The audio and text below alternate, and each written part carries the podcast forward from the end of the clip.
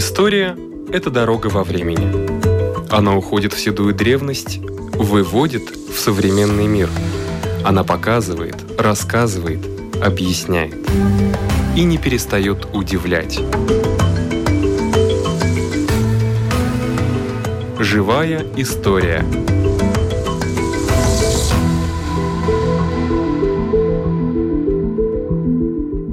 У микрофона Лидия Чера.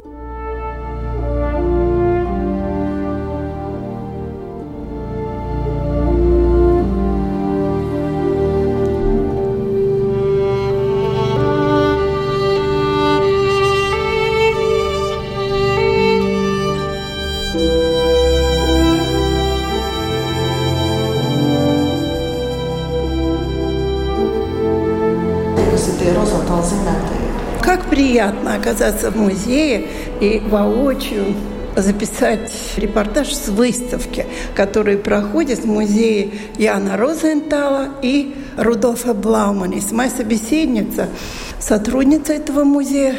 Сотрудница музея, ведущая музея Данца Валса. Да, во всяком случае, воочию очень приятно познакомиться, потому что до этого мы говорили только по телефону. Вы показали мне вот два шкафа. Вначале я не обратила внимания, что они просто деревянные, красивые, с такими вот можно посмотреть, что здесь написано. А наверху эскизы, да? Это рука самого Розентала. Да, наверху этих шкафов находятся или фотографии, или эскизы, и они соответствуют тому, какое содержание у этого шкафа.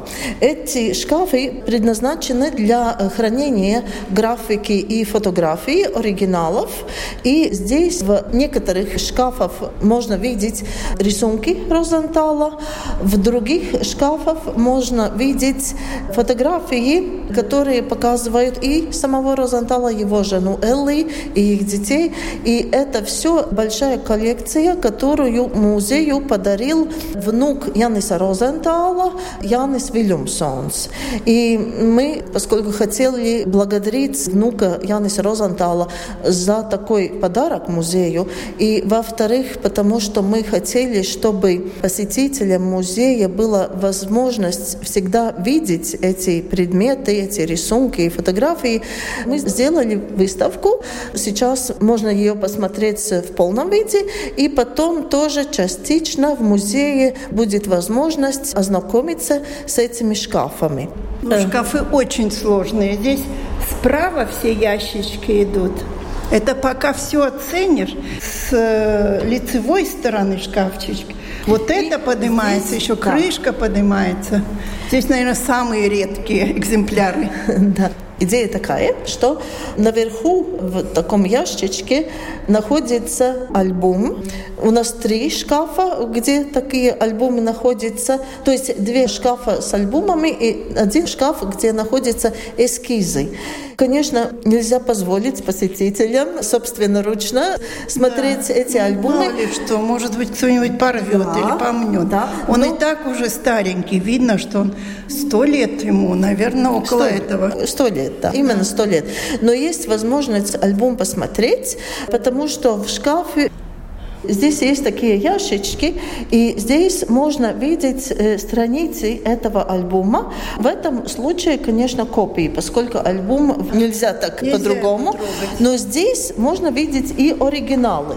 В этом шкафу находятся рисунки Розентала, и здесь можно открывать эти ящички, и можно видеть разные рисунки с разных периодов жизни Розентала, молодости, последующие годы годы тоже. В этих рисунках разные эскизы для больших работ, эскизы для иллюстраций книг и Наброски. Наброски разные и так далее. Это просто вот женщина, например. Да, да. Сто лет назад он ее так видел. Да. С такими распущенными волосами. Или... А это природа. И природа, это Сигулда. Розенталс любил Сигулду, очень часто поехал там э, работать, особенно весной. И есть у него много картин, где он да. посвятил Сигулде. А также есть многие рисунки на природе, которые были созданы.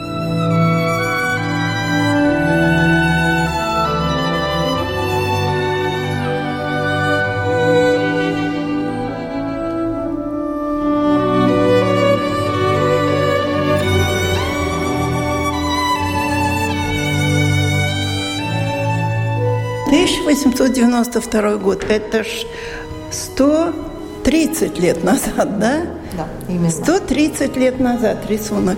В процессе, когда мы говорим об этой выставке, наверное, стоит напомнить, когда родился Розенталс, где он учился, потом, естественно, сколько лет он жил вот в этом помещении, где сейчас мемориальный музей. Розенталс родился в 1866 году, и он Родился в э, семье крестьянина и кузнеца, дом которого был около города Салдус, недалеко mm-hmm. от Салдус. Там тоже есть какое-то мемориальное здание. Да, там тоже есть его родной дом, а также там есть мастерская, которую Розенталс построил после того, когда он вернулся после учебы в Петербургской академии художеств.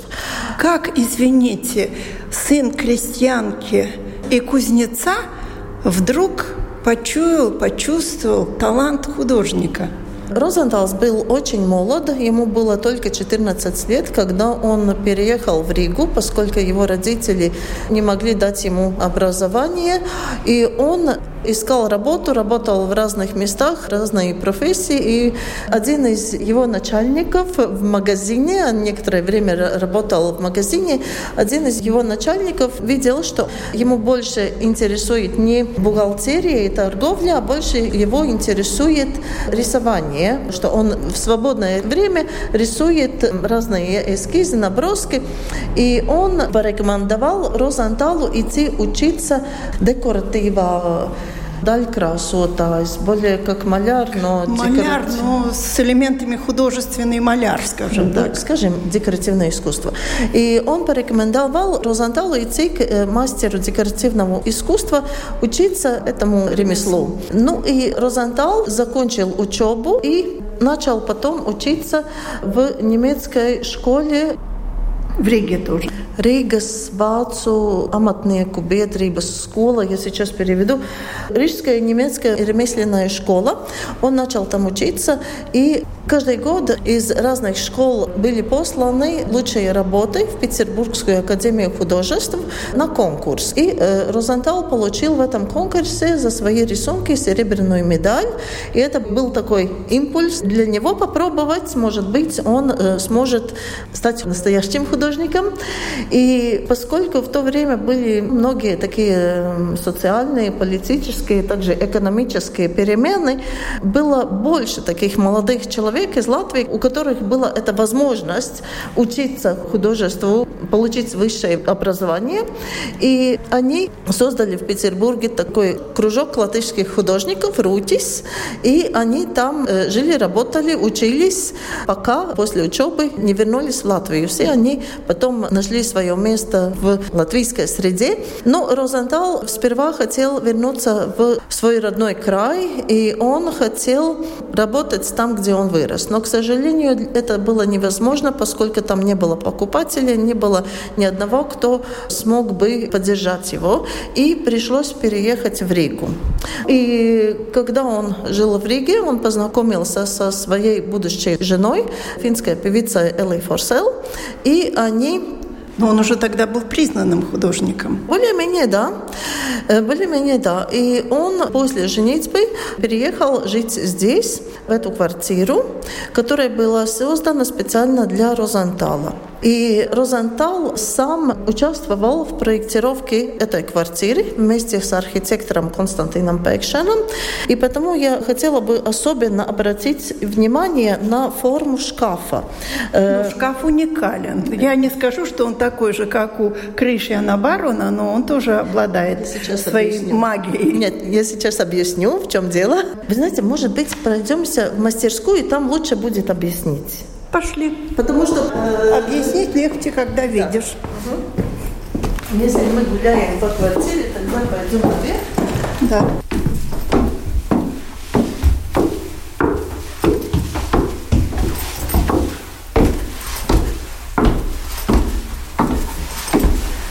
Мы поднимаемся наверх.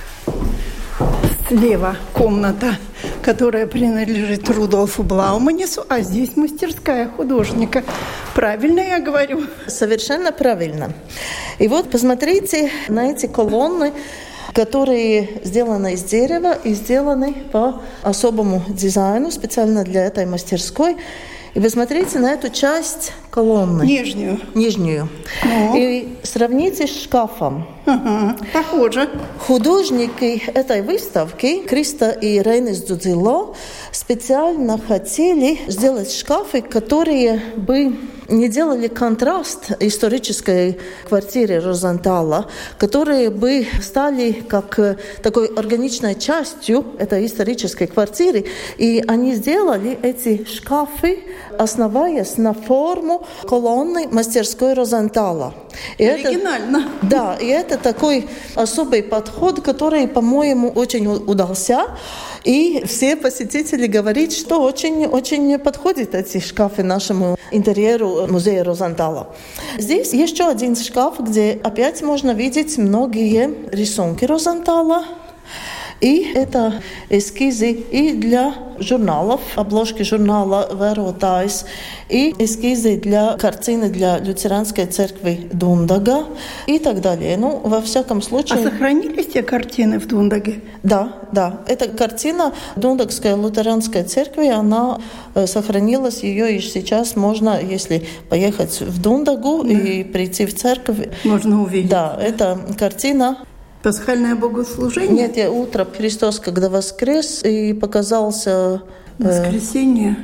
Э, воскресение Христова, может да, быть? Да, Пасха. Да, да, воскресение Христова или пасхальное утро, Линденврейц.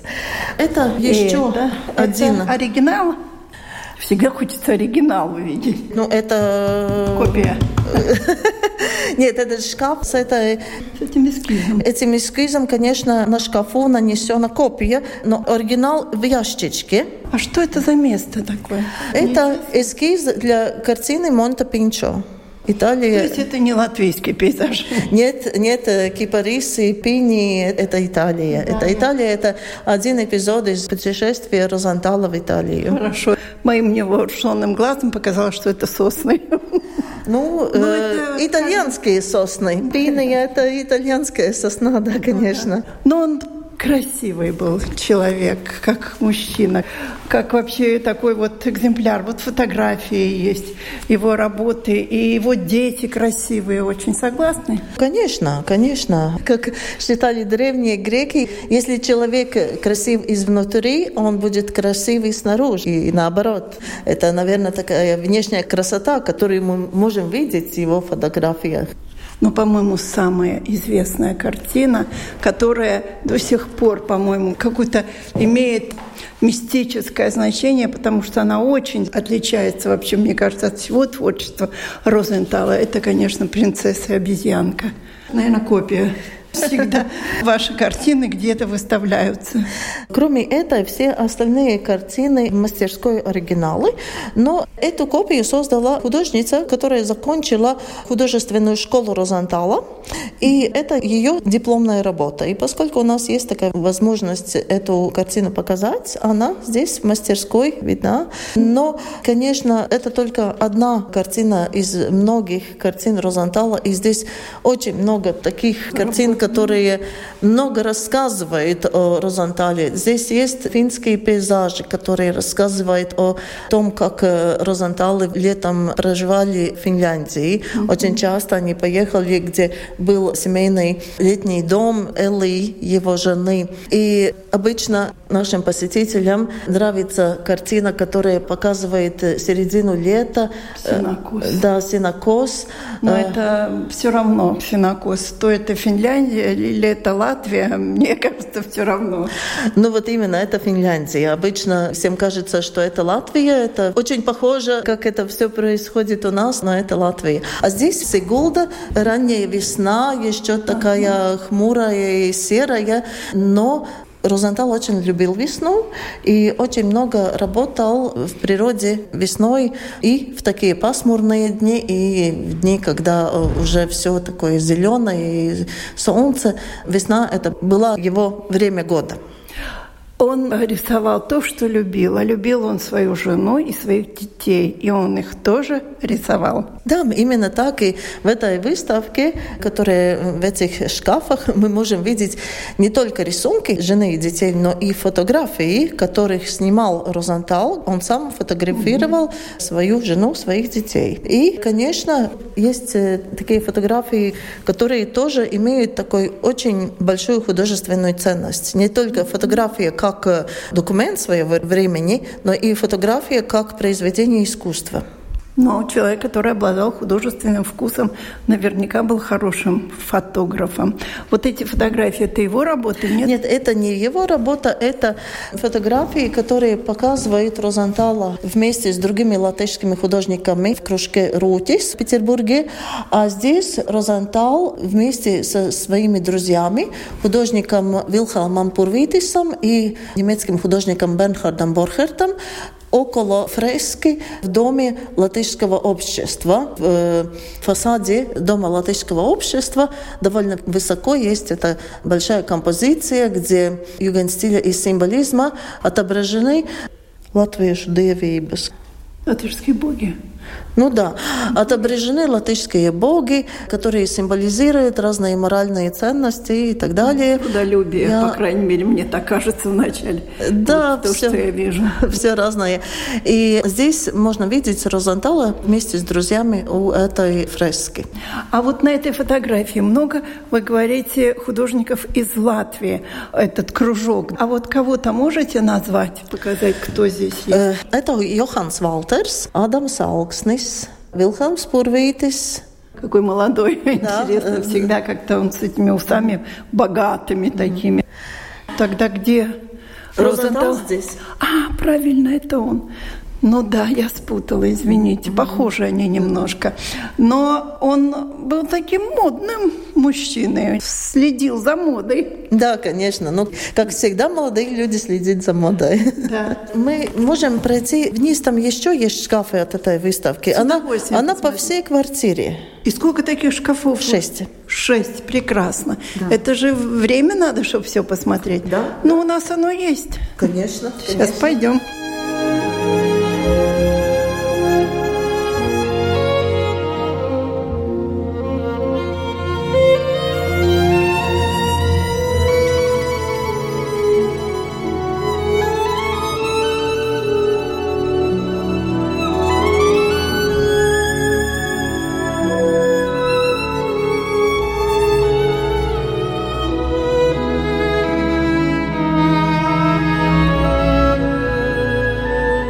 Кафе у вас. Здесь можно посмотреть, как они выглядят. Да, вот они выставлены все. И они прекрасно здесь вписались. Да, здесь в гостиной есть шкаф, где можно посмотреть две блокнота эскиз Розентала. Да. И опять, э, как с этим фотоальбомом, конечно, мы не можем дать посетителям самим трогать смотреть, трогать альбом. Да. Но мы можем показать каждую страницу альбома, открывая эти ящички. Ящички. Вот ну он. да. И вот здесь он. тоже множество интересных рисунков, набросков, которые показывают и разные фигуры, которые просто Розентал где-то увидел, бывая да. в деревне, гуляя по городу и так далее. Но здесь в деревне, как видно, что-то а, заметил а, глаз а, художника. А, а эту церковь, я, я не знаю, угу. эскизы в саду, но его тема – это больше люди, да? Да, хотя у Розандала есть множество пейзажей, больше всего он э, в своих картинах создал портреты или садzīves жанрс. А, бытовые. Бытовые картины. Больше всего он в своих картинах создал портреты или много тоже бытовых картин, но есть очень много и пейзажей. То, что он редко рисовал, это, конечно, натюрморты. Известны только несколько натюрморты Розантала. Натюрморты это было не его. Я обратила внимание, там в мастерской посмертная маска висит, да? Это его посмертная маска. Да, в мастерской посмертная маска, которую сделал финский скульптор Алпо Сайво. И это все произошло в Финляндии, поскольку было время Первой мировой войны, и надо было эвакуироваться. И, конечно же, Розенталы поехали в Финляндию. Там была семья Эллы, там у них множество знакомых и друзей. Но и там было надежнее, чем Там здесь. было надежнее, поскольку здесь был фронт, здесь была э, угу. война, и не было просто и другого выхода. Но там, к сожалению, здоровье Розентала пошаталось. Ну, он что, в дороге где-то заболел? Нет, когда они поехали в Финляндию, он на некоторое время оставил Элли и детей там и поехал в Петербург организовать выставку латышских художников. Mm-hmm. И потом э, с этой выставкой они переехали в Москву. Но ситуация была довольно трудная, и Розентал заболел с воспалением легких и переболел, вернулся в Финляндию, но, наверное, это оставило негативное влияние на его здоровье.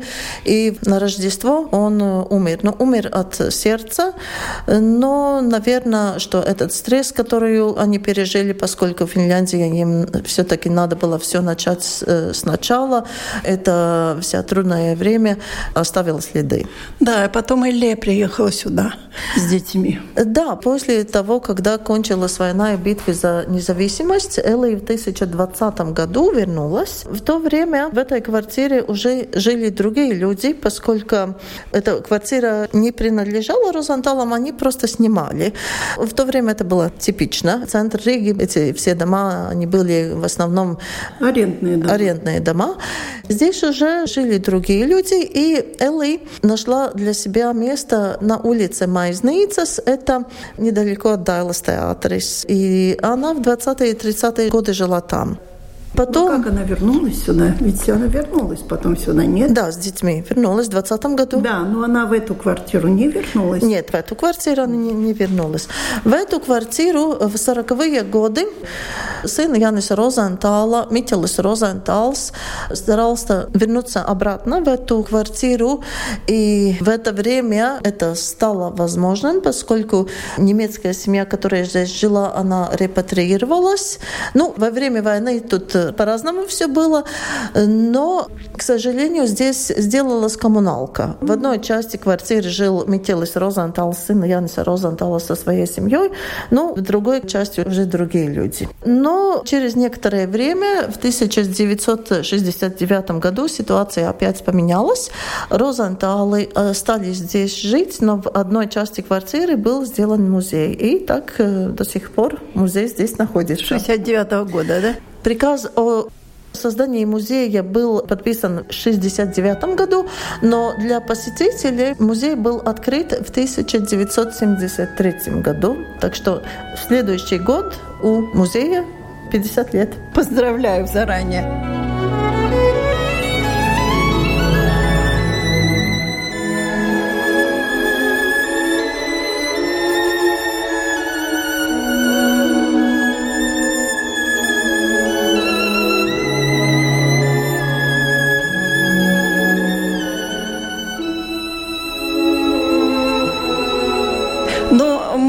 Сохранилось от того быта, который был в семье.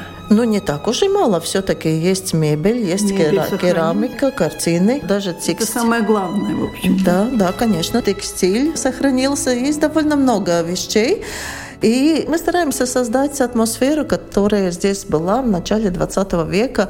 И даже мои коллеги выращивают комнатные растения, такие, которые здесь могли быть и были раньше во времена, когда здесь Элия была хозяйкой. Да, именно так. Да, поэтому здесь и находится пианино.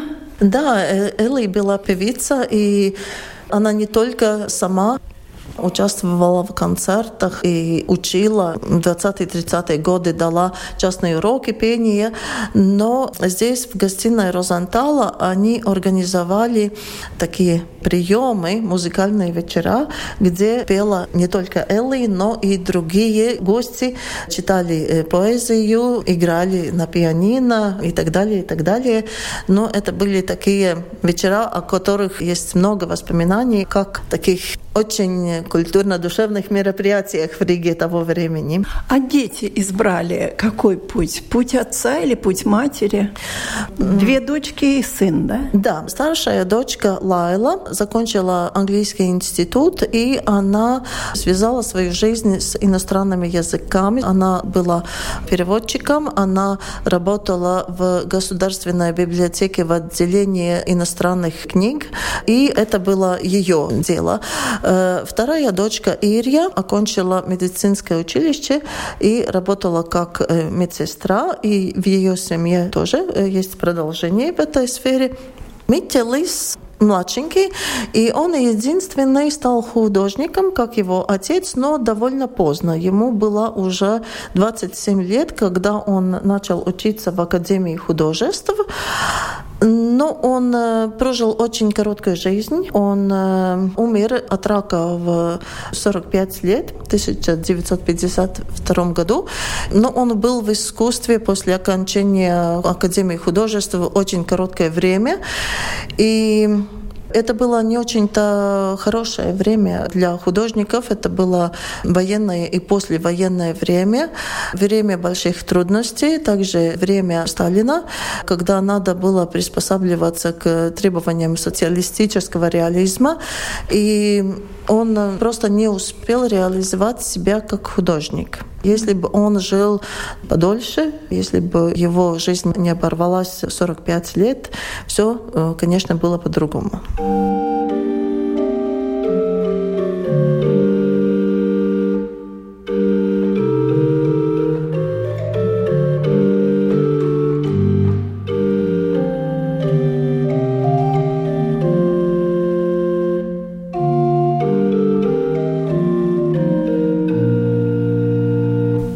Выставка, которая вот открылась и сейчас продолжается, эту выставку предоставил возможность вам показать, кто из внуков сын дочери Лайла, Янис Вильямсонс. Угу. К сожалению, он уже покинул нас, и, к сожалению, он не увидел этот результат выставки, но мы, конечно, очень благодарны за эту возможность, за этот подарок и за то, что посетитель музея сможет больше увидеть от Розентала, эти рисунки, фотографии, больше узнать, больше узнать и о семье Розенталов, потому что э, в следующих шкафах один шкаф посвящен Элли, а третий шкаф, который э, здесь можно видеть, это шкаф, который посвящен детям. Это фотографии детей, особенно Лайла, и там тоже есть и Ирия, и Митилис, и это шкаф, который рассказывает о том, как э, складывались их жизни после того, когда Розентал Павел умер, и они вернулись обратно в Латвию. Но потомки еще здесь, в Латвии? Ну да, в основном в Латвии но художниками уже не стали. Есть. Кто-то учится. Э, уже закончил, а кто-то уже преподаватель. Праправнук Яниса Розентала, Ансис Розенталс, закончил Академию художеств, и он работает в Академии художеств. А также один правнук, Алвилс Розенталс, тоже занимается живописью. А одна праправнучка, дочь Алвила, искусствоведа. Так что приходит иногда, собирается здесь семья – не очень-то часто, но бывает. Бывает. И как долго? Это постоянная экспозиция или она имеет срок? Эта выставка, так как мы ее видим сейчас, она будет только до конца октября. Но эти шкафы, они не пропадут, они остаются в музее, и те, у которых есть интерес и желание, сможет посмотреть эти шкафы и... И все, что в этих шкафах, главное. Да, именно так. А Розенталем, мне кажется, интересуются многие. Да, Розенталь все-таки очень популярный художник. Он очень нравится многим э, нашим соотечественникам. И это художник, работа которого выдержала э, испытание, испытание временем. Да. А в Финляндии он также знаком или о нем в Финляндии уже забыли? Немножко знаком, но, конечно, не так, как в Латвии. А его работы есть и в финских музеях? Его работы есть в основном в частных коллекциях в Финляндии, но есть и портреты Майла Талвио, которые есть в музеях. Спасибо большое за то, как провели меня здесь, как открыли все шкафы. много тайн открыли. У нашего микрофона нас провела сотрудница музея Рудольфа Блауманис и Яна Розентал Даце Воса. На этом наша программа заканчивается. Всего вам доброго.